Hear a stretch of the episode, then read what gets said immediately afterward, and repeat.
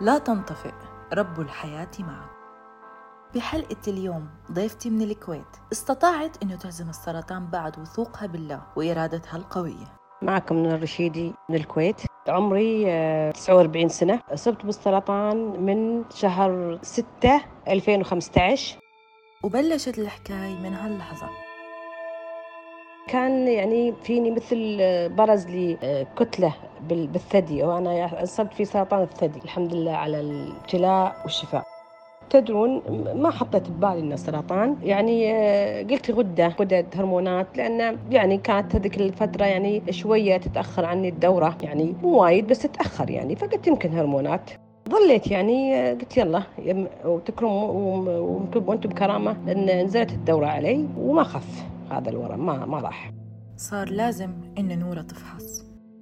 آه، رحت المستشفى خاص سووا لي آه، سونار فقالوا فعلا في كتلة في ورم بس إحنا ما نقدر نبين هل هو حميد أو خبيث آه، لازم ناخذ عينة.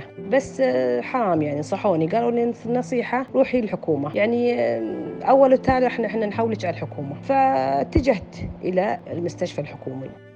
فكان صادف حتى أذكر كان صادف عيد من الأعياد. المهم بعد العيد رحت وأخذت رحت المستشفى اللي إحنا تابعين له. فسوى لي خذوا مني عينة. وبعدها بعشرة أيام تواصلوا معي وقالوا تعالي وكذي. ورحت لهم وبعطوني هذا. قالوا والله للأسف إحنا راح نبلغك إنه يعني سرطان. عن اللحظة والشعور وقت تلقي الخبر. ما أخفي عليكم الحالة. يعني أنا طبعا تعبت نفسيتي آه، نهارت قمت أصيح ورديت البيت والعائلة كلها تجمعت ولأن آه، والله الحمد والمنة ما في أحد من عائلتنا. عشان كذي أنا كنت مطمئنة لأن دائما يقولون إنه وراثي وراثي فما في أحد من عائلتنا يعني. فكان لازم للأشخاص اللي غالين عليها لنورة إنه يتدخلوا لحتى يكونوا جنبها وبظهرها. في هالحالة هذه كل من يقول رأي من رأسه اللي يقول آه نوديش برا واللي يقول لا. فسبحان الله آه واحدة من رفيجاتي شوية يعني ما شاء الله عليها كبيرة بالسن ونوع اللي يعني بالدينة قالت لي اتجهي إلى الله اقري سورة البقرة واستخيري تكلي على رب العالمين. وبلشت مرحلة العلاج. بعدين راجعت رحت المستشفى اللي هو مخصص لعلاج السرطان. فقعدت مع الدكاترة الدكاترة ما قصروا. وأنا أول ما دخلت قلت لهم أنا بسافر برا أعالج. فقال مو مشكلة إحنا راح نفتح لك ملف وراح نسوي لك التحاليل اللازمه وهذا. وبعدين على ما يجي موعدك وتروحين. تابعت معهم صراحة سووا لي تحاليل وأشعات وما شنو. أثناء ما أنا قاعدة إني أسوي تحاليل وأشعة وكذي كنت يعني أقربائي يعني يسوون لي على أساس إني أنا أروح أتعالج على حساب الدولة برا. فإجراءات قاعد تمشي وكنت أراجع مني وأراجع مني يعني. وسبحان الله صارت استخارة صارت استخارة. وسبحانك يا ربي ارتحت إني أنا أعالج بالكويت. عن الشيء اللي ممكن يصير بعد جرعات الكيماوي والتهيئة النفسية. أنا لما قعدت مع الدكاترة النفس اللي النفسانيين اللي قعدوا معي قالوا لي أعطوني فكرة راح شعرك ممكن تروح رموشك يطوحون ممكن. إذا شعرك يعني طويل قصي من الحين عشان ما تتعبين نفسيا وأنت قاعدة تشوفين قدامك يطيح وكذي. فأنا ما كان شعري طويل بس أنا كنت يعني أحبه طبعا. قبل بداية الكيماوي رحت قصيته بس ما قصيته كلش يعني لا قصيت حطيته بوي بوي قصير. بعدين سبحان الله لما طاح ما حسيت إني تعبت لأن سبحان الله عندي يقين بالله إن الله بيعوضني خير. الناس اللي بحبونا دائما لهم الحق إنه نذكرهم ونذكر وقفتهم معنا. ما ما كان يعني أكبر صدمة بس الحمد لله الحمد لله يا رب لك الحمد لله على يعني لما تلقيت الخبر بس يعني ولا ما كان الحمد لله يعني. بالعكس أنا أنا مطلقه ما عندي زوج ولا عندي عيال. فبالعكس أنا حسيت إن ما شاء الله أهلي احتووني عائلتي احتووني إخواني خواتي أمي متوفية وابوي متوفي صديقاتي رفيجاتي احتووني عن السرطان.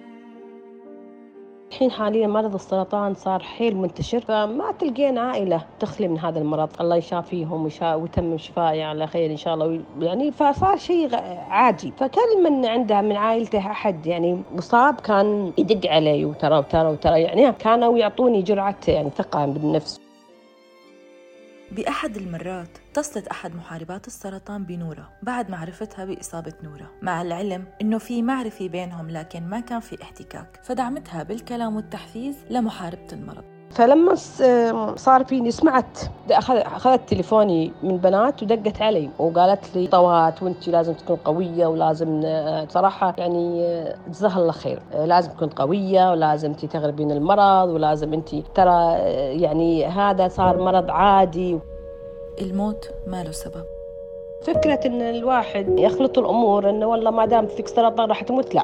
هذه لازم نشيلها من بالنا. الموت ما له سبب. دائما أنا أقول الموت ما له أسباب. في ناس صار فيهم سرطان وتعافوا قعدوا 40 سنة و50 سنة ما شاء الله. وفي ناس ما فيهم شيء ما فيهم شيء. قناموا الله خذ أمانته. مو شرط مو شرط. أنا أعرف واحدة من رفيجاتي آه رفيجة أمها ما شاء الله تبارك الرحمن. تقول لي رفيجة أمي 40 سنة فيها مرض السرطان. وما شاء الله تبارك الرحمن عايشة وتروح وترد وتسافر وما تخلي مكان ما تروح له. ارتفاع عندها الضغط والسكر ودخلوها المستشفى ما قدروا يسيطروا على الضغط الله خذ امانته شفيت من السرطان وهي مديرة قسم. أنا كنت على رأس عملي كنت رئيسة قسم وكنت الحمد لله على رأس عملي والحمد لله اللهم لك الحمد. شافاني رب العالمين ورديت أداوم مدة عادي واشتغلت. وبعدين عادي كنت كذي كنت أروح كل وحدة أسمع أن فيها أروح لها ولا أدق عليها تليفون وأنصحها. مثل ما كان اللي ما يعرفني يدق علي وينصحني كنت أنا أسوي كذي. وبعدين من تقريبا قبل الكورونا بسنة أو أقل تقاعد وبس ماكو شيء. الحين إن شاء الله بس لما تفتح الدنيا في الكويت. فكرة إني أدخل دورة كمبيوتر وإني أشتغل. يعني أحاول إني أغير جو. أو إذا فتحوا دور القرآن لأن الحين دور القرآن ما مو, مفتوحة. إني أدخل أخذ دورة دور دور قرآن حفظ قرآن. أنا تميت تقريبا سنة وأكثر بعد وأنا آخذ كيماوي والحمد لله الحمد لله الحمد لله. عائلتي كلها. إحنا ما شاء الله عائلة كبيرة. في منا بالكويت في منا بالسعودية وفي منا بالإمارات. غمروني غمروني بالحب وبالحنان وبالكل شيء. وطبعا خواتي إخواني أكثر شيء. رفيجاتي قربات لي جدا. هذا لما أنساهم. ورسالتها لمحاربي السرطان؟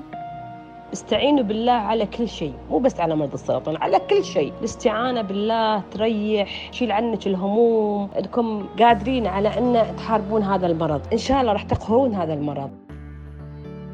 الموت ما له أسباب. السرطان ما بيعني الموت بيعني التحدي والإصرار. الموت حق مكتوب علينا. قدر ولا بد منه. محاربتي اليوم أو بالأحرى قاهرة السرطان نورة استطاعت وبحمد الله إنه تنتصر عليه لهالمرض كنتوا عم تسمعوا حلقة جديدة من بودكاست حكايتي مع السرطان. معي أنا غيتاء مراد آغا استنونا بأمل جديد وحكاية أمل جديدة. سلام!